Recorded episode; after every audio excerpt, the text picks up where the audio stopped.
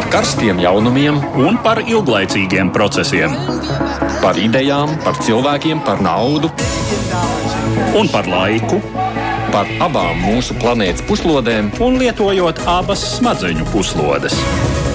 Ēterā raidījums divas puslodes. Tad mēs atkal tiekamies raidījumā divas puslodes, kad gandrīz stundu runājam par to, kas notiek pasaulē. Mani sauc Aits Tomsons, un Šoreiz gan jāatzīst, ka aprunāsim pamatā vienu pasaules valsti - Amerikas Savienotās valstis, bet, nu, protams, par Ameriku nevar runāt nepieminot arī citas. Protesta akcijas, kas izraisījušās policistu nogalinātā melnādainā Džordža Floyda dēļ, ir pārņēmušas ne tikai Savienotās valstis, bet izplatušās arī citvietā pasaulē. Tikmēr ASV prezidents jau domā par armijas iesaistīšanu, lai apturētu pieaugušo vardarbību. Notiekošais aktualizējas daudz sāpīgu jautājumu. ASV prezidentam Trumpam cīņu nāks izvērst ar vien vairāk frontēs. Bez koronavīrusa protesta akcijām viņam klāt nāks vēl viena problēma - sociālajie tīkli, kas uzdrošinājušies norādīt uz aplamiem faktiem viņa vēstījumos. Arī šī cīņa vēl tikai vēršas plašumā. Bet vēl vienu jaunu izaicinājumu Trumps radīs sev pats. G7 valstu samitā, kas notiks rudenī, viņš grib redzēt arī Krieviju un vēl dažas valsts. Bet Kanāda, Lielbritānija jau pateikuši, ka tam nepiekrīt. Intriga par gaidāmo sanāksmi tikai pieaug. Kā redzat, ASV prezidents sev piesaista ar vien lielāku uzmanību. Tad nu, viņam to arī veltīsim. Bet pirms tam gan dažas ziņas īsumā par citu vietu pasaulē notiekošo.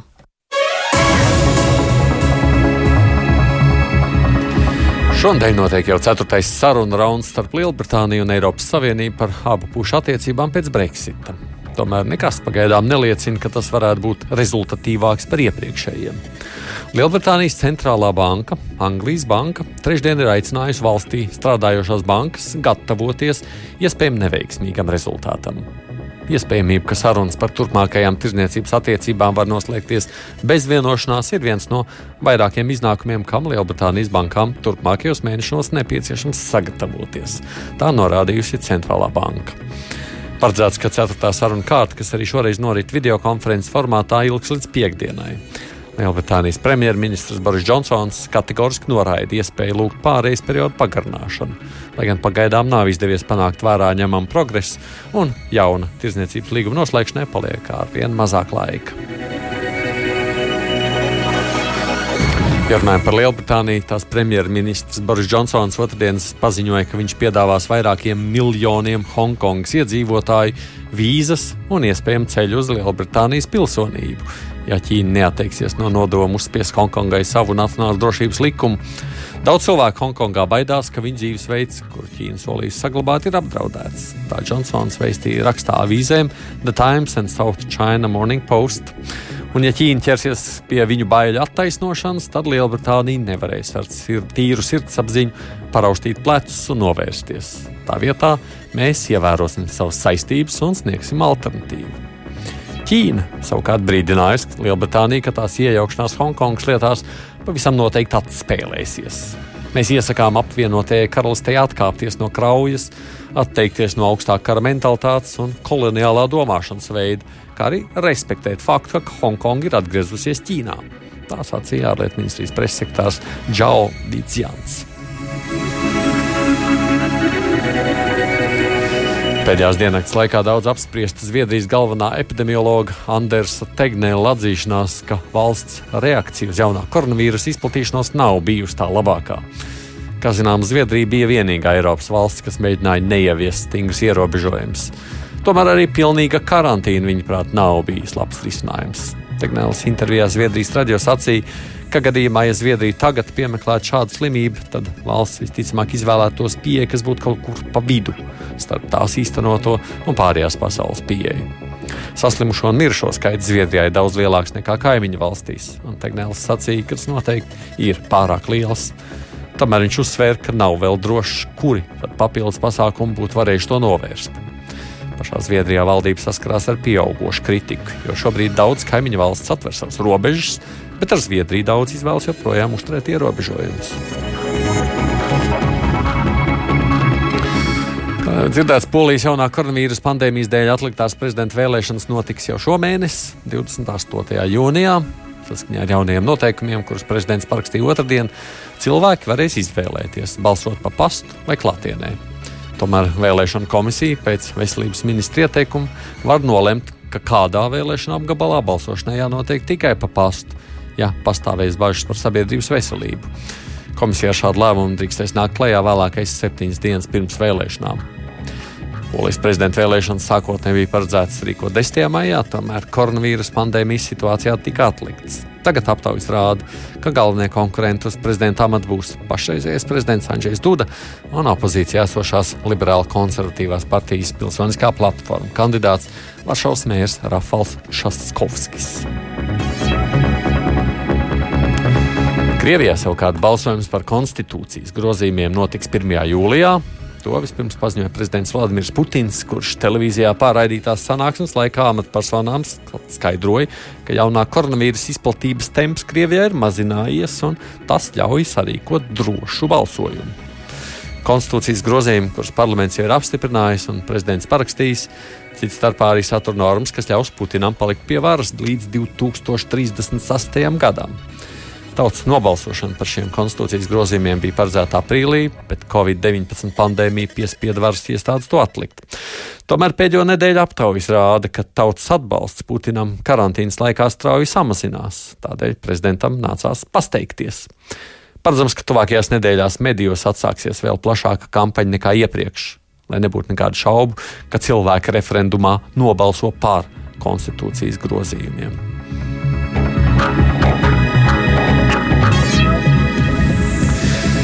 Bet nu tagad par sākumā minētiem tematiem plašāk. Vispirms par nemierīgo situāciju ASV.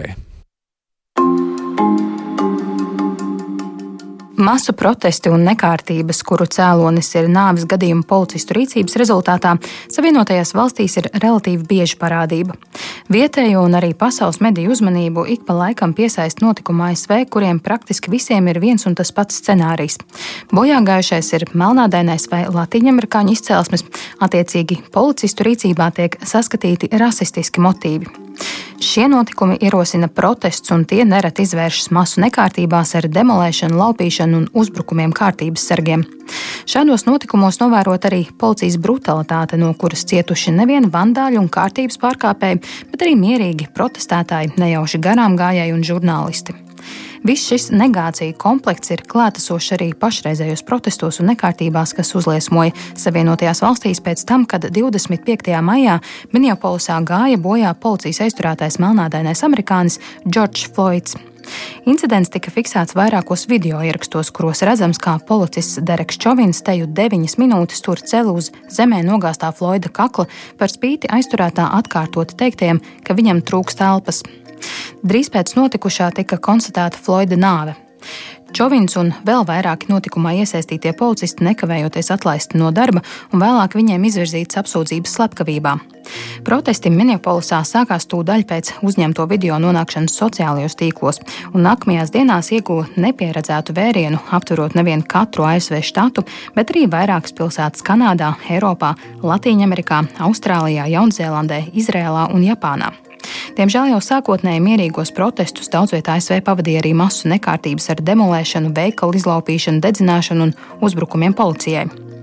Prezidents Donalds Trumps nodēvēja Džordža Floyda nāvi par traģēdiju, kurai nevajadzēja notikt, un paudis izpratni par protestētāju motīviem, taču strikti vērsies pret nekārtību dalībniekiem.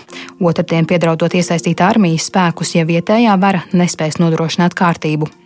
Vakar nemieri pierimuši pēc tam, kad vairākās pilsētās izsludināta komandanta stunda, kā arī tika paziņots par apsūdzības izvirzīšanu vēl trim Floyda aizturēšanā iesaistītiem policistiem. Armija kārtības uzturēšanai Savienotajās valstīs pēdējo reizi iesaistīta 1992. gadā, kad nemieru cēlonis arī bija melnādaina amerikāņa Rodnija Kinga bojāja policijas darbības rezultātā. Telefoniski šobrīd mūsu raidījumam pievienojas žurnāla ir komentētājs Pauls Rauceps. Sveiks, Paul! Sveiks, Hedi! Rīgas Stradiņu universitātes asociētais profesors TV3 kolēģis Edijs Bošs. Edī. Sveiks! Un arī mūsu raidījuma veidotājs, komentētājs Edvards Liniņš. Sveiks, Edvards! Sveicināti! Demolēšanas ir pagaidām pierimušas, bet tie miermīlīgie protesti jau turpinās visā valstī. Vispār cik ilgi Pauli tas tā varētu turpināties? Nu, jau tagad pēdējos divus vakarus ir bijis salīdzinoši mierīgi. Ja tur neziņo par kaut kādām plašām dedzināšanām vai, vai uh, kaut kādu citu vardarbību. Tā kā No, ko, tur domāju, var, teiksim, jā, jā. ko tur var atrisināt? Nu, nu, nu vairs jau tur neko nevar atrisināt, vai ne? Nē, nu, ne, teiksim tā, te ir veidi, kā, šo, kā šādu veidu nemo, nemierus uh, amortizē un, teiksim, savalda. Un tas, teiksim, tas, to, tas jau ir darīts. Tik, izsaukt papildus spēku Nacionālās gardas, teiksim, Nacionālās gardas vienības, uh, ieviest komandantu stundu, lai teiksim, tos, kuri cenšas uh, protestu aizsegā uh, izlaupīt veikals un tā tālāk, lai viņiem tādas iespējas nerastos. Bet nu, tie protesti, miermīlīgie protesti turpinās ļoti plaši. Tā, ka, uh, ar to sabiedrības prasību, ko, tām prasībām, kas tiek izvirzītas, nu, tās var atrisināt tikai politiski, pieņemot lēmumus par to, kā um, iegrožot policijas patvaļu, kas, uh, diemžēl, Amerikā ik pa brīdim parādās, uh, mainīt kultūru šajos policijas departamentos, un uh, te, nu, teiksim, tā, tie būtu tie, tie tūlītējie soļi, kas būtu jāspēr. Mm. Edī, kā tu prognozē, kas tālāk, kā tas viss virzīsies uz priekšu? Nu, kristāla bumbā tu atkal man jū, lūdzu nu, ielūkoties. Saka, visu laiku tev tikai to vien prasa. Uh, nu, man šķistu, ka mm, līdz vēlēšanām nekas briesmīgi daudz droši vien varētu arī nemainīties tīri no no kaut kādas likumdošanas iniciatīvu un tam līdzīgu lietu dabūšanas cauri, nostiprināšanas un tam līdzīgi. Es domāju, ka šis, protams, būs viens vēlēšana kampaņas fundamentāls, fundamentāls, fundamentāls sastāvdaļa, kaut kas, ko mēs. Uh, Ai, šajā notikumiem pārbagātajā 2020. gadā atkal absolūti nevarējām paredzēt, bet kas no vienas puses padara, padara dzīvi un politiku tik, tik, tik ļoti interesantu, de, nu, gan jāsaka arī daļai traģiskā veidā, kā, kā šajā gadījumā. Līdz ar to nu, vēlēšanu gadā, vēlēšanu kampaņas viducī nu, tika nu, tādos trauksmainos periodos, tur teiksim, tā ātras Es šeit piekrītu uh, Paulam par to, ka, protams, ka tie lielie risinājumi ir, ir lieli un ilgtermiņa uh, nu, policijas, ar policijas reformām saistīti un, un uh, rasu attiecībām saistīti. Tā, tāds lielas uh, desmit gadu uh, iesīkstējušas problēmas, kuru, kuru paliek šeit ir, ar ko Savienotās valsts saskarās.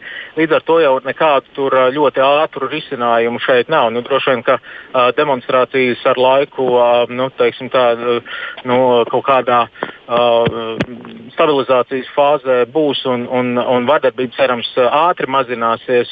Nu, miermīlīgās protestu demonstrācijas šis spiediens noteikti turpināsies um, ilgāku laiku, bet jā, šie, šie ir ilgtermiņa pasākumi, šīs ir ilgtermiņa problēmas, kas ir gadu desmitiem bijušas ielaistas nu, kaut kādu droši vien taisni gājušas augšu nedaudz uzlabojumu virzienā kaut kādos aspektos, bet, bet atkal pa kalniņiem pa augšā lejā arī tajā pašā laikā. Tā kā nu, jāpaturprātā, ka šīs ir ilgtermiņa ļoti nopietnas, ļoti nopietni jautājumi, kurus no, no nevar tik viegli atrisināt.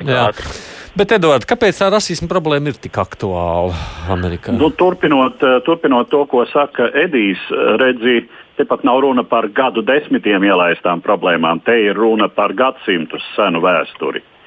Kad viena iedzīvotāja daļa šai valstī ir nonākusi kā Āfrikas kontinentā sagūstīti, nebrīvē aizvesti vergi, Un, eh, starp citu, gūstītāji tur Āfrikā nebūtu, nebija Baltijā, to nodarbojās paši vietējie. Eh, būdami tā sacīt, šo vergu piegādātāji, dzīvās preces piegādātāji. Eh, un tad apmēram pāris gadsimtus, ja mēs tā rēķinām Ziemeļamerikas koloniālo vēsturi, tad apmēram pāris gadsimtus viņi bija šajā nebrīvo ļaužu statusā. Un 19. gadsimtā 19. gadsimta vidū, kad, eh, šāda, kad verdzība jau bija atcelta visā Lielbritānijas impērijā, eh, praktiski visur citur. Eh, teiksim, arī tā skaitā koloniālos valdījumos, nu, kā Spānijā, piemēram, tad Spānijas koloniālajos valdījumos, tad Amerikā tā vēl saglabājās. Un tās problēmas, nu, mēs redzam, ka tās ir nu, tā integrācija starp divām šādi atšķirīgi pastāvējušām sabiedrības daļām, tā nav viegla un vienkārša lieta. Sevišķi tad, ja um, ir tik uzskatāms tā sacīt, identifikators kā ādas krāsa. Un, tā ir monēta ar divām pusēm, jo no vienas puses nav jau tikai tā, ka Baltija izturētos kaut kā, nu, teiksim, joprojām augstprātīgi vai neadekvāti pret melnādainajiem, bet arī melnādainajiem ir tendence sevi zināmā mērā distancēt no pārējiem, šobrīd uh, tur ir nācis, nākus klāt um, izjūta par šo gadsimtu seno netaisnību. Tas nekas, ka šobrīd Savienotajās valstīs melnādainie dzīvo uh, labāk nekā, es domāju, jebkurā Āfrikas valstī. Es tā pieļauju vidēji. Uh, nu, tas, tas ja, nu tā, jā, bet, ja, ja, ja, tā, man liekas, tas ir atkarīgs no vietas, kur Amerikā, jo ir uh, rajona Amerikā, Mississippi vai uh, arī teiksim, vēsturiski Čikāgas dienvidu daļā, kur, piemēram, jaundzimušo mirstība ir augstāka nekā dažā labā Āfrikas valstī. Tas ir, tas ir tā, nu, vidēji. Tā, pat tā, jā, jā, es šos faktus nezināju. Tā nav. Mm. Nu, jā, tātad, respektīvi, problēmas pastāv, uh, un tās ir tik dziļi iesakņotas, ka mēs pat arī šeit īsti nevaram runāt par likumdošanas rāmi, ja varētu norādīt uz to, kuri likumi nav pareizi. Bet īsti likumi jau ir pieņemti pagājušajā gadsimtā. Teiksim, 60., 50., 60. gados likumdošanas līmenī uh, rasu segregācija, kura līdz tam vēl pastāvēja, tika izskausta. Uh, Un turpat bija situācija, kad uh, Savienoto valstu armijas karavīri tika norīkoti apsargāt melnādainos jauniešus, kurus balto skolnieku vecāki negribēja ielaist skolā, kur līdz tam bija mācījušies tikai Baltie. Uh, tātad tāds fakts arī bija. Uh, un, līdz ar to te ir runa drīzāk par politisko tradīciju un tiesiskuma izjūtu. Uh, un šīs lietas, kā mēs to ļoti labi saprotam, mainās ļoti lēnām. Vai arī tas ir tāds, varbūt pat emocionāls, ja es, Pauli, varētu tevi jautāt? Es, nu, man ir bijis Bet, dažs. Ja, ja, aizies drīkstāt vienkārši par tām nepieciešamām izmaiņām. Es domāju, ka Amerikā ļoti daudz, kas ir mainījies pēdējos 50 gados, kopš tika pieņemti likumi 50, 60 gados, uh, kas Uh, atdeva cilvēku tiesības melnādainiem, kuriem tās reāli bija pamatā atņemtas Amerikas dienvidos, kur nedrīkstēja braukt, uh, teiksim, kur bija nodalīti restorāni un autobusi, un pēc būtības atņemtas balstiesības un tā tālāk. Tā, tā ka ir progress un arī ekonomisks progress vidēji. Es piekrītu, ka teiksim, melnādainie, tumšādainie uh, dzīvo labāk šobrīd nekā viņi dzīvoja pirms 50, 60 gadiem, bet tajā pašā laikā ir tieši vairākas institucionālas lietas, kuras varētu mainīt, kuras uh, tiešām uzlabotu situāciju. Teikt, jo, piemēram, ja skatās tagad uz to pašu Minneapolu, kur tika nogalināts uh, George Floyd, uh, es vakar noklausījos interviju ar Minneapolis uh, uh, mēru, kurā viņš teica, ka diemžēl līgums ar policijas arotbiedrību padara praktiski neiespējamu policijas atlaišanu par dažādiem pārkāpumiem, tā izskaitā par, nu, par nepamatotas vardarbības izmantošanu pret kādu pilsoni, kas bieži vien tiek izmantots arī pret melnādainiem. Un tas nozīmē, ka pat ja pilsētas mērs vēlas situāciju uzlabot, ir šīs institucionālās formas, kas liedz to darīt. Ir arī pēdējos 30 gados ļoti pastiprināta sodu politika Amerikā, eh, kas tagad nozīmē, ka gandrīz katrs piektais melnādainais vīrietis kādu laiku pavada cietumā savā dzīvē. Nu, viņš, viņš, tā, tie, tas, kā šie likumi tiek interpretēti un kā viņi tiek uh, nu, ieviesti dzīvē, neproporcionāli smagi skar tieši tumšādaino kopienas. Un atkal tas ir saistīts tieši ar likumdošanu, kuru varētu mainīt. Teiksim, ļoti daudz šie cilvēki nonāk cietumā nevis par vardarbību vai par kādiem citiem, ar, teiksim, ar, um, nu, teiksim, īpašumu iznīcināšanu vai, bojāšanu saistītiem noziegumiem, bet tieši par salīdzinoši maznozīmīgiem pārkāpumiem saistītiem ar narkotikām vai ar marihuānu vai kaut ko citu, bet par, par dažiem maziem pārkāpumiem šādiem var dabūt ļoti smagus cietumsods. Tieši tas ļoti neproporcionāli skar, skar šīs kopienas. Un atkal tas ir jautājums par likumdošanu un šo likumu uh, piemērošanu. Tā ka es domāju, ka ir arī ļoti daudz institucionālas lietas, kuras varētu uh, mainīt, lai šo stāvokli uzlabotu. Nu, droši vien jau, ka tādam. Uh, man Eiropietim pat ir reizēm tā grūti saprast to amerikāņu uh, sistēmu, policijas iespējas, nezinu, attiecības starp policiju un sabiedrību, jo Eiropā taču tas kaut kā ir citādāk, vai ne tā? Nu, te ir ļoti dažādi aspekti. Nu, piemēram, arī mūsu arī savulaik jau apspriestais jautājums par brīvu ieroču pieejamību Savienotajās valstīs, kas teorētiski ļauj jebkuram policistam prezumēt, ka uz viņu var tikt tēmēts nu, diezgan daudzos gadījumos, jo ierocis teorētiski var būt kabatā jebkuram. Un, uh, šķiet, ka uh, vai tikai pat ne šo protestu laikā, ja es pareizi atceros, kāds cilvēks jau ir ticis nošauts, tāpēc ka policists āmuru viņa kabatā ir noturējis par šaujamo. Uh, un, uh, nu, attiecīgi, uh, Jautājums, protams, ko viņš ar to amuru gribēja darīt, bet, eh, bet nu, tā tas ja? Eh, šie, šie aspekti. Eh, starp citu, runājot par konkrēto gadījumu, ir tā, ka policijai dažādos štatos ir dažādi darbības noteikumi. Un ļoti konkrēti šis cilvēka nu, tātad, savaldīšanas paņēmiens burtiski ar ceļgalu uztupjoties viņam uz kakla. Uh, ir atļauts konkrētajā policijas iecirknī un šķiet nu, arī visā pilsētā uh, ārkārtas gadījumos, tad, ja tas ir ļoti nepieciešams. Ja, kas nebija acīm redzot šis gadījums, jo cilvēks jau bija saslēgts roku dzelžos un jau gulēja zemē. Un kāpēc bija 9 minūtes jātup viņam ar ceļgalu uz kakla, nav skaidrs. Nu, par to attiecīgais policists un vēl trīs viņa kolēģi atbildēs tiesas priekšā. No, nu, labi, te ir tik daudz to aspektu, ka ir skaidrs, ka mēs viņus gribēdam nevaram visus pārunāt. Es droši vien vēl piebildīšu, ka mēs rīt ar kolēģiem, žurnālistiem, Latvijas žurnālistiem droši vien arī apspriedīsim to reakciju un dažus aspektus, kurus es jums pajautātu, pajautāšu viņiem. Bet pabeidzot, Edija, tev savukārt jautājums.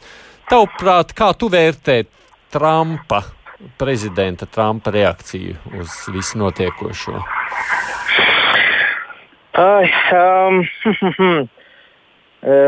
es, es negribu uh, izklausīties kā uh, tāds uh, tradicionāls uh, Trumpa kritiķis, bet, uh, bet katrā ziņā nu, tās rīcības uh, ir patiešām ļoti dīvainas. Es domāju, ka no, pat no, pat, e, ja, ja mēs uz tām skatāmies pat no konservatīvām pozīcijām, kā mēs to varētu varbūt darīt no, no teiksim, Trumpam nedaudz radniecīgākām, draudzīgākām politiskām pozīcijām, nu, tās, tās rīcības ir nu, tādas. Um, nu, robežo, man šķiet, kaut kas starp tādu diezgan izteiktu neizlēmību un neizpratni un īsti nezināšanu, ko īsti man šobrīd darīt. Ja.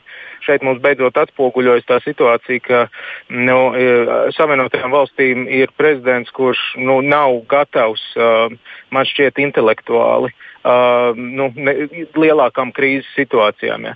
Uh, pirmie trīs prezidentūras gadi puslīdz tika pavadīti nu, tādos uh, nosacīti miera vējos, kad, uh, kad varbūt ka tas tik ļoti neizpaudās. Uh, šeit, kur eko atnāca 20. gads ar patiešām ļoti nopietnām krīzēm, vai tas ir Covid, uh, vai tā ir attiecības sāsināšanās ar uh, Ķīnu, kas ir dienas kārtībā, uh, vai tā ir šī uh, tādas uh, nu, pilsoņtiesību un, un šis uh, viss pasākums. Nu, mums ir pamats pamatīgas, pamatīgas krīzes, kuras, protams, ir piedzīvotas līdzīgas kaut kādas arī citās prezidentūrās, bet šeit mēs redzam, ka mums ir, uh, nu, Savienotajām valstīm, mums ne, uh, Savienotajām valstīm ir prezidents, kurš, kuram, kuram ir kaut kādas instinktīvas darbības, bet, uh, bet kurš īsti nezina, ko darīt. Un, uh, un es domāju, ka šeit jums nav jāņem mans godavārds par šādu veidu analīzi, uh, palasiet uh, kaut vai šodien plējādi un plējādi ar um, ASV militārajiem līderiem, uh, nu, vienkārši trīpām visapbalvotāko goda dēļu ģenerāļu Uh, kuri uh, saķer galvu uh, nu, tiešā un pārnestā nozīmē par to, kādas, kādas kustības tiek izdarītas, kādi paziņojumi tiek izdarīti, kur sāsina situāciju, nevis normalizē situāciju. Šie draudi par bruņoto spēku pielietošanu, no kuriem kratās nost pat um, Trumpa aizsardzības sekretārs Espers. Nu, šis, šis viss ilustrē to, ka ir uh, nu, labākajā gadījumā vienkārši hauss. Baltajā namā, nu, sliktākajā gadījumā nu, es tā nojaustu, ka Trumps instinktīvais, instinktīvā doma, ka vajadzētu varbūt šo kaut kā uzkurināt, jo viņš, es domāju, ka saredz šajā 1968. gada kaut kādas analoģijas, kad ar, mm, jo sliktāk, jo labāk pārvēlēšanas nozīmē, ievēlēšanas nozīmē. Es domāju, ka viņš varētu saskatīt kaut kādus šādus aspektus. Domāju, ka viņš ir pārreikinājies beigu beigās, uh, jo tās analoģijas, respektīvi, uh, apelēt pie savas. Uh, hiper uh, tādas um, uzticamās, lojālās vēlētāju bāzes, um, ar, ar tādiem pat uh, svilinošiem, uh, nevis nomierinošu rīcību šajā situācijā. Domāju, ka viņš nedaudz būs pārreikinājies beig beigās, bet man šķiet, ka instinktīvi tas, tās viņa rīcības ir apmēram šādas, uh, skaidrojamas primāri. No, viņš redz uh, no. novembra vēlēšanas, un, un tas viņam bijis primāri. Bet vai mēs to šajā krīzes situācijā uh, vai amerikāņi to tā vēlētos, un tas Savienotajām valstīm kopumā nāk par labu šāda veida uh, nu, rīcība šajās situācijās ir, uh, nu, ir ļoti, ļoti apšaubāms. nu, viņš jau arī pats sev izaicinājums rada ar vien jauns, tāpēc pirms turpinām mazs tāds faktoloģisks apkopojums par nākamo tematu. Sociālajiem tīkliem, un jo īpaši Twitter, bijusi ārkārtīgi nozīmīga vieta prezidenta Donalda Trumpa politiskajā karjerā. Pašreizējā prezidenta Twitter kontam ir vairāk nekā 80 miljoni sekotāju, un tie kalpojuši elektorāta piesaistēji un konsolidācijai kā nekad agrāk tajā pat laikā izraisot pastāvīgus protestus par apšaubāmus un nepārprotami nepatiesas informācijas izplatīšanu, naidu kurinošiem un sabiedrību šķeļošiem viedokļiem. Gadiem Twitter saņēmis neskaitāmus šādus pārmetumus, taču 26. maijā sociālā tīkla administratori pirmo reizi kaut ko darīja šajā sakarā. Proti, Donalda Trumpa tvītam, kurā viņš apgalvo, ka Kalifornijā plānotā balsošana pa pastu būšot nekas cits kā būtiski krāpnieciska, tika pievienots teksts: Iegūstiet informāciju par balsošanu pa pastu, ar saitu uz komentāru, kurā vietnes administrācija, atsaucoties uz vairākiem medijiem, norāda, ka šis apgalvojums nav patiess. Prezidents reaģējis ar kaismīgiem pārmetumiem par cenzūru, vārda brīvības žņaukšanu un iejaukšanos 2020. gada prezidenta vēlēšanās. 28. maijā prezidents parakstīja izpildu rīkojumu, kurā valsts galva pilnvaro attiecīgās izpildu struktūras ieviest regulējumu un sankcijas pret sociālajiem tīkliem, kuri savā darbībā atkāpjas no neitrālas attieksmes pret lietotāju ievietoto saturu. Šādiem resursiem, kā teikts dokumentā, jāzaudē likumā noteiktais ierobežotās atbildības aizsargs un jātiek pakļautiem tādai pat atbildībai kā ikvienai tradicionālai redakcijai un publikācijai, kas nav tīmekļa satura piegādātājs. Kā norādījuši kritiķi, pirmkārt, prezidenta rīkojums ir ar apšaubām tiesisko segumu, un otrkārt, tas nozīmētu beigas tai izteikumu brīvībai, kuru pats Donalds Trumps tik aizrautīgi līdz šim izmantojis. Piektdien pretstāvis starp prezidentu un sociālo tīklu gigantu ieguva jaunu pātrinājumu, kad pieeja Trumpa tvītam Minneapolis nemieru sakarā, kad sākas laupīšana, sākas šaušana, kļuva iespējama tikai caur saiti, kas norāda, ka šis tvīts slavina vardarbību.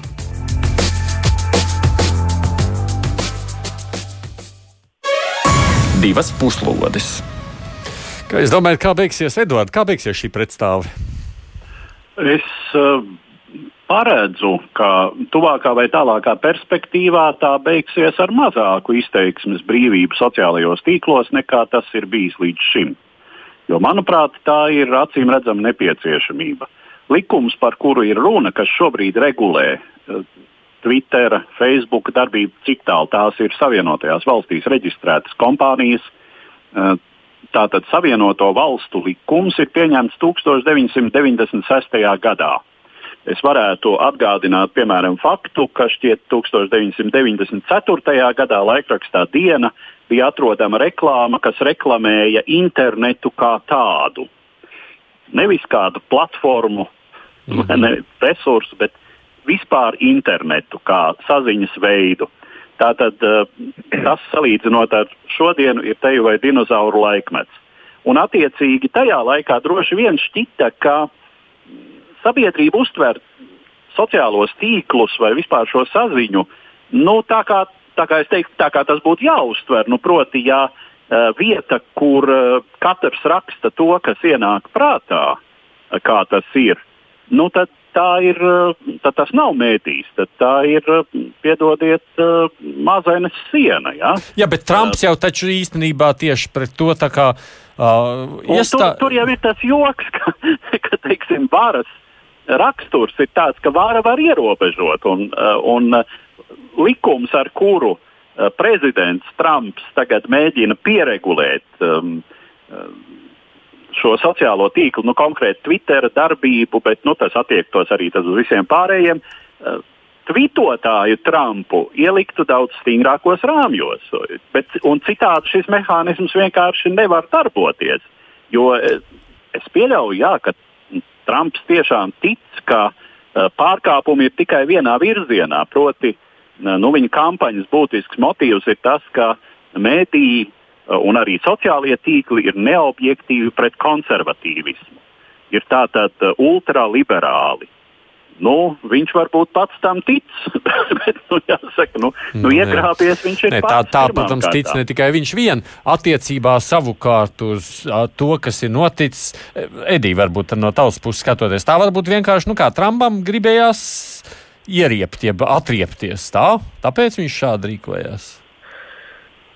Nu, uh, tur gan ir uh, par šiem. Uh, tātad, atcerēsimies, ka šis ASV prezidents ir tāds, kurš bieži vien ļoti draudīgas, visaptverošas tēzes savā Twitter kontā vai savā kādā preses konferencē izdveš, bet tam nav sevišķi lielas no tādas vilkmes tālāk, no tādas likumdošanas nostiprināšanas jautājumos, nu, tā, tāda burbuļa.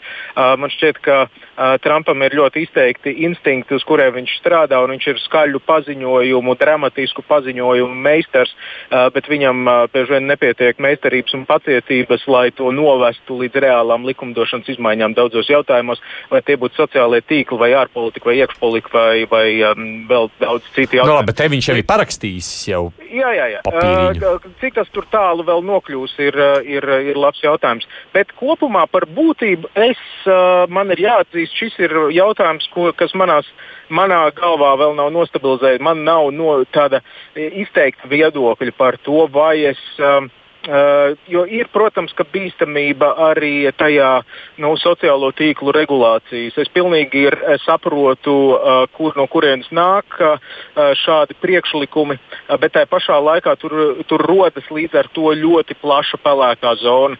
Kas tiek, kurš pieņem lēmumus, kā klasificēt vienu vai otru izteikumu, tas neizbēgami kļūst par politiskas cīņas jautājumu un tam līdzīgi. Un tam līdzīgi. Līdz ar to nu, tādu pilnīgu, pilnīgu visaptverošu visatļautību, acīm redzot, nu, neviens neproponē sociālajos tīklos, bet kur ir tā pareizā robeža un kuri ir tie arbitri un pēc kādiem kritērijiem vienu vai otru vai trešo paziņojumu no viena vai otra vai trešā politiskā uh, līdera kā to īsti izanalizēt, iegrupēt, nomarķēt. Uh, nu, tur ir ārkārtīgi plaša pelēkā zona, un, un es arī redzu, kur tas var aiziet nu, teiksim, kaut kādā otrā grāvī un, un, un, uh, un faktiski nākt ar, tādas, uh, ar pretēji negatīviem efektiem. Ja. Mhm. Uh, līdz ar to nu, šis ir viens mūsu laika fundamentāls jautājums, protams, uh, un, uh, un es atzīšos, es, es nebūšu šobrīd tas, uh, kurš būs uh, nu, tāds uh, uz, uz guru pusi. Man šķistu, ka tā varētu klasificēt tādu ļoti skaidru zālamanu lēmumu par šiem jautājumiem pieņemt. Jo šis, šī ir viena patiešām gadsimta no nu lieta mūsdienu pa, pa, pa, Paul, Paul, Paul, nu, saka, saka. Jā, ja es drīkst pievilkt, nē, nu vienkārši sāksim ar to, ka jau, kad mēs te runājam, it kā šobrīd Facebook un Twitter būtu kāda neitrāla siena, uz kuru katrs tur var uzrakstīt, ko grib, un visi to redz. Mīļiet, tas jau gadiem tā vairs nav abām šīm un pārējām šīm sociālām programmām apakšā ir ļoti attīstīti algoritmi, kuri nosaka, ko mēs redzam. Mēs neredzam visu, mēs neredzam pat tuvu visam, tuvu visu to, kas tur tiek uzrakstīts. Ir algoritmi, kas izvēlas, ka tev varēs, varētu interesēt šis tvīts vai tas posts. Un tas ir tas, ko tu redzi. Tās platformas jau tagad pieņem ļoti nozīmīgus lēmumus par to, ko mēs redzam un ko mēs neredzam. Tās nav neitrālas.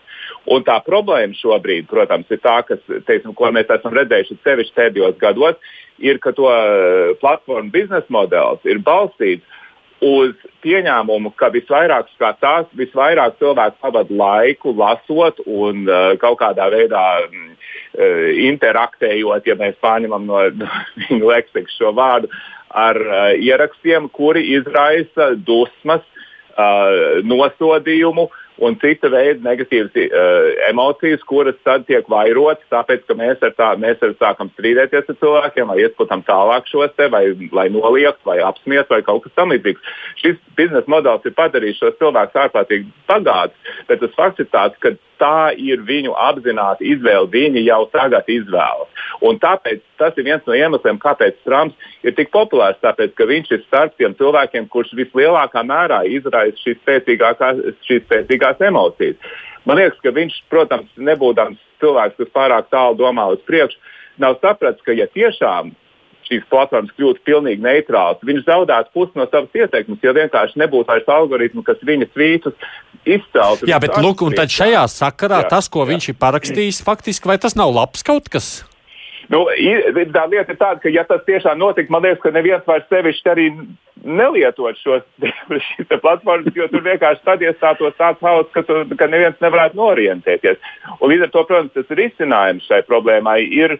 Eh, nu, es, tajā ziņā es piekrītu Edijam, ka man nav recepts, bet katrā gadījumā tas, ka ir uh, es, savā, es atbalstu Twitter rīcību, uh, ka viņi pieliek, viņi jau necenzē. Arī šis tās runas par cenzūru ir pilnīgs absurds. Nekas tur netiek cenzēts. Jebkurš, kurš vēlas, var apskatīties Trumpa tvītus, tur vienkārši tiek pielikt klāt, pielikt klāt piezīme, kas pats par sevi, protams, viņu ārkārtīgi tracina, ka varbūt viņš nav pateicis patiesību.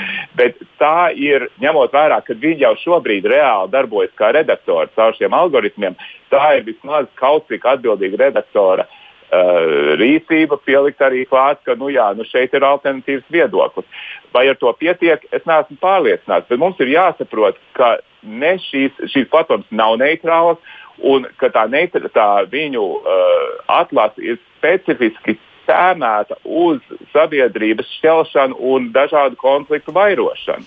Un bet, tas nav jā. mūsu interesē. Bet man klausoties jūsos, ir tāda sajūta, ka nu, šis kaut kādā mērā tās diskusijas viņš, protams, pavirzīs uz priekšu, bet viņš jau tas neko tur neat, nu, tur nekāda risinājuma īpaši neredzās. Jā, nu. Nē, no, no Trumpa mēs risinājumu nesagaidīsim, bet, bet, tas, bet tas, ka tas ir nopietns jautājums, par ko ir jādiskutē un kad, kad ir uh, atbalstām Twitter rīcību. Nu, mēs redzam arī tepat Latvijā, teiksim, kas notiek, cik ārkārtīgi dažādi veidi anonīmi troļļi satraucās uh, reček uh, līdzīga. Ne tikai anonīmi. Piezīmēm, jā, teiksim, kas, tiek, kas tiek pielikts pie Facebook postiem par to, ka, teiksim, ka šī informācija iespējams nav patiesa, ja teiksim, kas noskaidro faktus. Jā, teiksim, tas, tas, tas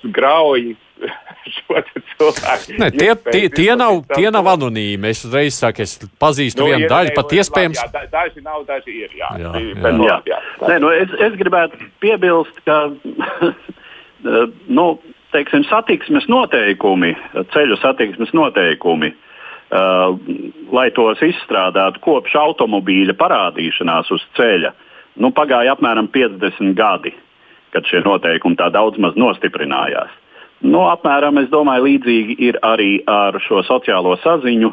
Uh, un tas, ko, tas, ko Pauls teica, tātad uh, Twitter ir spēris zināmu soli redakcionālisma virzienā, nu, tāda redzama redakcionālisma virzienā, paužot savu nostāju. Te gan ir jāsaka, ka, protams, prezidents Trumps un vēl daži ir izredzēto statusā, ko šo, šobrīd arī ļoti daudz skaidro Twitter īpašnieki un vadītāji uh, par to, ka mm, viņi uzskata, uh, ka valsts vīru uh, augstākā ranga vadītāju izteikumi, pat ja tie neatbilst standartiem, tomēr ir jādara publikai pieejami, jo šo cilvēku status nosaka to, ka tas ir svarīgi.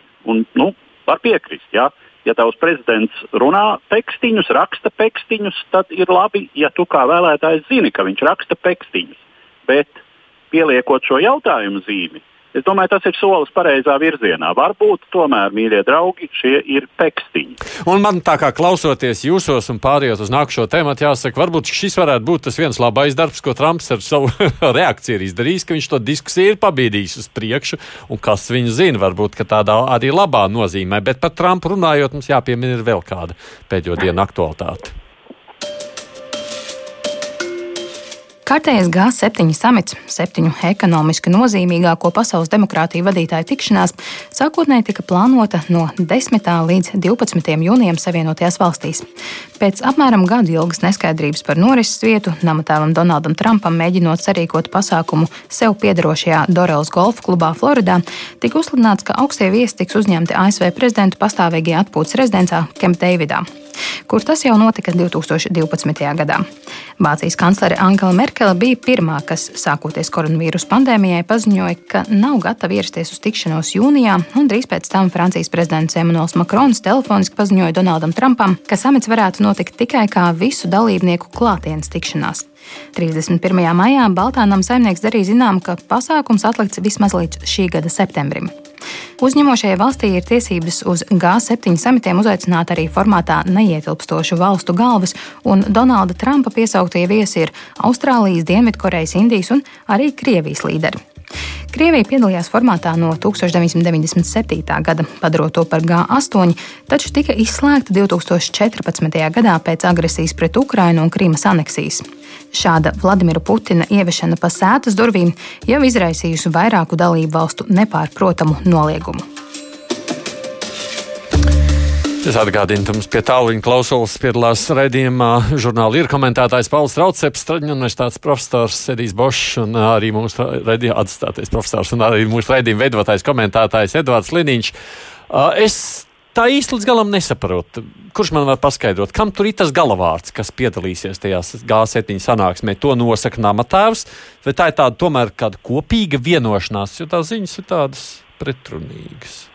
Kurš zina? Nē, nu, uh, Edvard. formālā uh, tātad no vienas puses ir šo valstu kopums, uh, kuras savstarpēji ir vienojušās, ka šie valstu galvas tiksies šādā formātā, šādā sastāvā. Sākotnēji tās bija sešas valstis, pēc tam pievienot. Nu, tātad, no nu jā, līdz kaut kādā brīdī, kamēr bija astoņas beigās. Jā. Nu, tad pievienojās, mazliet no. vēlāk pievienojās Kanāda kā septītā, Un tad 90. gados pievienojās Krievija, kur jau tika teikts, ka tas ir lielā mērā avans. Un tas vēl bija uz tā viļņa, eh, kad tika noticēts, ka bijusī superlielvalsts, eh, tātad bolševistiskā Krievija, ir mainījusies un turpinās iet pa šo pārmaiņu ceļu. Ja mēs atceramies, tas vēl bija prezidenta Jeļcina laiks. Un, um, nu, labi, tad, Krievija tika izslēgta. Es mazliet to vēsturi saīsināšu. Tā bijusi tur, tika izmesta ārā, saprotama iemesla dēļ. Uh, un kas attiecas uz visu pārējo, jā, vēl jāpiemina, ka tur piedalās Eiropas, Eiropas Savienība. Savienība uh, kā faktiski pilntiesīgs dalībnieks pie galda. Un līdz ar to mēs varam teikt, ka arī Latvija netieši ir pārstāvēta šajā G7 formātā. Eh, kā caur Eiropas Savienības Jā, tas struktūru. Strīds tagad ir tāds, tātad Trumps grasās uzaicināt vēl kādus, pret ko tie, kas tur ir pamatā, saka nē, nē. Un kurš tad beigās pieņem to gala lēmumu?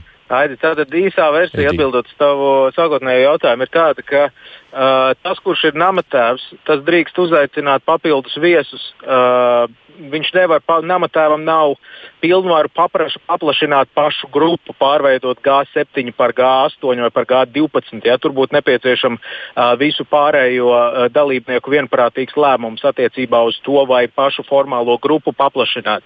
Taču namatēvam ir tiesības uh, uzaicināt, uh, nu, ko nu viņš vēlas, ar, uh, bet parasti tam būtu, protams, jānotiek saskaņojot ar pārējiem dalībniekiem, jo, uh, jo pārējiem dalībniekiem ir arī tiesības nu, nebraukt. Ja, ja, nu, ja, reiz bija, ja, ja, ja tiek aicināts kāds, kurš ir nu, izsaucis lielu alerģiju. Pāriem viesiem tā, ka... nepatīk šis viens viesis. Ko nu? Nu, tur nav tā, ka visiem pārējiem nu, nepatīk. Diviem vismaz. Jo kopš, kopš Krievijas izslēgšanas 2014. gadā pastāvīgi ir bijuši signāli no atsevišķām šīm G7 valstīm, ka vajadzētu tomēr pieņemt atpakaļ, jo nu, tik svarīga valsts un tomēr ir jāsarunājas. Visbiežāk šādi signāli nāca no Itālijas, uh, salīdzinoši retāk un atturīgāk no Vācijas, un šķiet reizi arī Japānas premjerministrs ir izteicies, ka nu, tomēr Krieviju nevajadzētu atstāt ārpusē. Tā ka šie viedokļi nav ļoti vienprātīgi, bet nu, no otras puses, protams, Lielbritānija pirmām kārtām un arī Kanāda, kā mēs redzam, ir kategoriski pret. Tas, ko es, tas, tas, ko es gribu saprast, tad tur būs Krievija vai nebūs?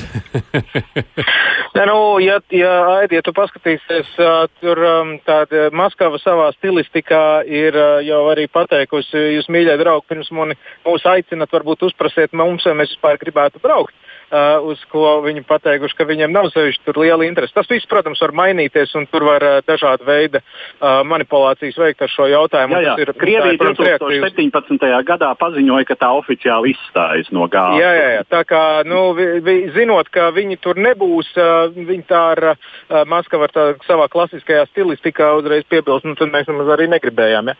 Bet uh, tā lietas būtība šeit ir tāda, uh, ka nu, visticamāk, tur, tur nekas uh, es teiktu, tā, tā problēma, ko šis viss diskusija šeit apzīmē, ir tas, ka mums ir viens vissliktākais periods šobrīd, no nu, tādā vispār pārskatāmā vēsturē. Es nezinu, vai pat Irākas kara laikā pirms, pirms 17 gadiem bija tik sliktas transatlantiskās attiecības. Un tas ir viens ļoti, ļoti nu, tāds. Um, nu, uh, jūtīgs brīdis, uh, īstenībā bīstams brīdis uh, nu, visā nu, tādā rietumu drošības un, un kaut kādā rietumu sistēmā. Jo, jo izaicinājumu ir ārkārtīgi daudz. Uh, bet uh, nu, nekādas normālas komunikācijas starp uh, Eiropas um, lielvalstu līderiem, tīpaši Vācijas un Savienoto valstu attiecībās, tad Merkele faktiski ir nu, ļoti uh, nu, ar uh, ļoti tādu uh, nu, plašu žestu parādījusi Trumpam, ka, uh, nu, laikam es ar tevi nerunāšu vairāk. Uh, nu, ja, ja tevi pārvēlēs, tad, nu, tad, diemžēl, būs kaut kas jārunā, bet, bet tad būs ļoti grūti droši vien. Un, bet cerams, ka mums vairs nebūs jārunā. Nu, nu, protams, tas, tas, kas nozīmē, sakot, ka ja arī viņš tur aizbrauks, tas Krievijas prezidents nekas tur traks nebūs. Ne? Apmēram tā. tā bet, bet, aizies, no, man liekas, mēs esam neesam uzrunājuši pašu galveno jautājumu, kāpēc Trumps vispār to Putinu dabūs. Jā, tas ir tas jautājums, jā, vai viņam pirms vēlēšanām šitas ir vajadzīgs? Un, nu, redz, viņa, viņa tā mīlestība pret uh, Vladimiru Vladimiroviču ir tik dziļa, ka man liekas, ka pat vēlēšanas bija neietekmē viņa domāšanu šajā, šajā virzienā. Tā, tas būtu viens katrā, katrā brīdī, kad ir iespējams, viņš cenšas kaut kā uzlabot attiecības, ir tuvināties, tuvināties Kremlim. Un, protams, jau no vēlēšanas jau pirms četriem gadiem cilvēki uzdeva jau, daudz jautājumu, kāpēc tas tā ir. Bet šeit nāk klāt, šeit nāk klāt vēl viens aspekts, kas ir, ka Trumps ir, kas ir saistīts ar vēlēšanām, ka Trumps acīm redzot cer, ka uzkurināt konfliktu ar Ķīnu, viņš varētu iegūt arī kaut kādu atbalstu, ka redz, kā viņš aizstāv Ameriku, un tad vēl viņš var uzvelt Ķīnai vainu par visu pandēmiju un tā tālāk. Un tas viens no iemesliem, kāpēc viņš grib pies, atsaukt Putinu uz šo tikšanos, ir tā, lai varētu veidot šādu plašāku koalīciju pret Ķīnu. Un Krievija pateica, nu, ka viņi grib redzēt Ķīnu blakus sev. Nu, es domāju, ka te, te, tā, viņš, protams, var cerēt, ka viņš varētu Putinu atvilināt no Ķīnas sāniem pie sevis, bet nu, tas nenotiks, jo ir skaidrs, ka teiksim, gan pasaules uzskati, gan eh, politiskie režīmi, gan arī vienkārši ir materiālās intereses šīm divām valstīm ir krietni eh, ciešākas nekā Krievijai var, jeb, jeb kad nākotnē būs ar Ameriku. Tā ka tur uh, viņas atkāpināt vienu no otras, domāju, nav iespējams, bet uh, Trumps, nu, acīm redzot, uz to cer. Klausoties jūsos, man ir tāds sajūta, ka tas Trumps ir viens galīgi tāds ne, neprā, nepraša neko. Jā, tikai tagad tas spēlē. Tikai tagad radās. es, es, no vienas puses šis viss G8 stāsts, G7 stāsts, atvainojos, kaut kādā paplašinātā, kaut kādā ziņā ņemot vērā Ķīnas izaicinājumu, kaut kāda nu, tāda pamata loģika jau tur būtu. Organizēt um, tādu plašu plašāku ar, teiksim, tādu, nu, neaizmirsīsim, ka tādā, tajā viesu sarakstā bija vēl vairākas valstis - Dienvidkoreja, Austrālija un Indija, Indija. kurai nezinu, kāpēc ir pielipināti, nu, kaut kādā ziņā ir kā saprotam, dom, domāt kaut kādu pret Ķīnas aliansi, bet kā vienmēr Trumpa ārpolitikas un visos šajos politikas jautājumos ir kaut kādas loģikas pazīmes, varbūt ir iespējams pat identificēt šajā gājienā, ja tas ir domāts kā anti-Ķīnas uh, nometne organizēt. Bet kā vienmēr tas ir kaut kur paliek pusratā, jo, lai efektīvi organizētu kaut ko tādu, nu, tev ir ļoti nopietni jāstrādā ar Eiropas sabiedrotajiem jau primāri, uh, nevis uh, faktiski viņiem uh, jāuzsvilpj un jāpamāja ar pirkstu, nāciet man te vēlēšanas tuvojas, mums vajag saorganizēt vienu smuku pasākumu un tam līdzīgi. Un, tam līdzīgi. un visus pārējos trešos trīs gadus vai četrus gadus faktiski viņus. Uh, nu, ignorēt, kritizēt un faktiski neņemt viņus vērā. Ja? Līdz ar to kaut kādā ziņā ar Ķīnas izaicinājumu skaidrs, ka rietumiem būs jātiek galā, vairojot savu vienotību un iespējams pieaicinot līdzīgi domājošus spēlētājus. Tā sarakstā visticamāk nevajadzētu būt Krievijai, bet nu, Austrālija, Ķīna, Dienvidkoreja būtu piederētos šajā kompānijā, protams. Tā kā veidot no vienas puses kaut kādu šādu grupējumu un varbūt šajā virzienā G7 grupu paplašināt. Būtu sava loģika, bet kā vienmēr tur nekas nav nostrādāts līdz galam. Nu, tur visi, gan no Makrona puses, gan no Merkeles puses, gan no Boris Johnsona puses, nu, viņiem ir alerģija pret to, pret to neizdarību un to, uh, to izrādīšanās komponenti visā tajā ārpolitiskajā procesā, ko, ko Trumps veic. Pat ja tur kaut kur kaut kāds, uh, kaut kāds racionāls grauds ir pat kaut kur saskatāms, tas tā Trumpa specifika visos tajos savos gājienos to visu mm. arī nonulē uz nu, to, un, tur ir. Un tas, ko tagad sacīja Ēdija, Paul, vienu minūti tev atbildēt. Ir, Tas viss amerikāņiem ir saprotams. Es domāju, kādas ietekmēs Trumpa izredzes, visu, ko mēs te šodien runājam.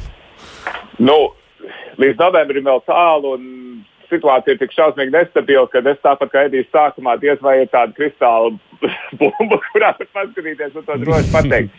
Bet vismaz šobrīd Mana sajūta ir, ka tas viss viņam nāk pa sliktu, jo lai gan viņš var iedomāties, ka stingrā roka būs cilvēkiem pie, pievilcīga, patiesībā sakot, tāda stingrā roka, augstākais bezdarbs valsts vēsturē, pandēmija plosās, nemieri. Ja? A, kur tu esi? Kāpēc tu nevari kārtību ieviest? Ja? Teiksim, Niksons 68. gadā līdzīgā situācijā uzvarēja, tāpēc, ka viņš nebija Baltā namā. Viņš varēja teikt, es ieviesīšu kārtību, bet ko Trumps var pateikt, ka es padarīšu? Jā, tur ir, tur ir vēl liela atšķirība. Tur es Paulam ļoti piekrītu. Jā. Uh, tev ir grūti ar, uh, ar stingrās rokas paziņojumiem vinēt vēlēšanas, ja tev jau bija jābūt. Kur tad bija tā stingrā jā. roka? Ja tavā aizgādnībā šis hauss ir. Nu, mums jau par tām izredzēm droši vien vēl paspēsim parunāt līdz vēlēšanām. Būs mazāk tā bumbi jāizmanto, bet paldies jums visiem trim! Edijs Bošs, kas ir Rīgas Traģiņu universitātes asociētais profesors un TV3 žurnālists, un Pauls Trauceps darbojās žurnālā ir, un Edvards Liniņš ir šī raidījuma līdzautors komentētājs Latvijas radio. Paldies jums! Studijā bija Aits Tomsons, producents Ieva Zeiza mums ir. Paldies, ka bijāt arī jūs kā klausītāji. Tiksimies pēc nedēļas, lūkosim, kas jauns atkal ir noticis. Divas puslodes!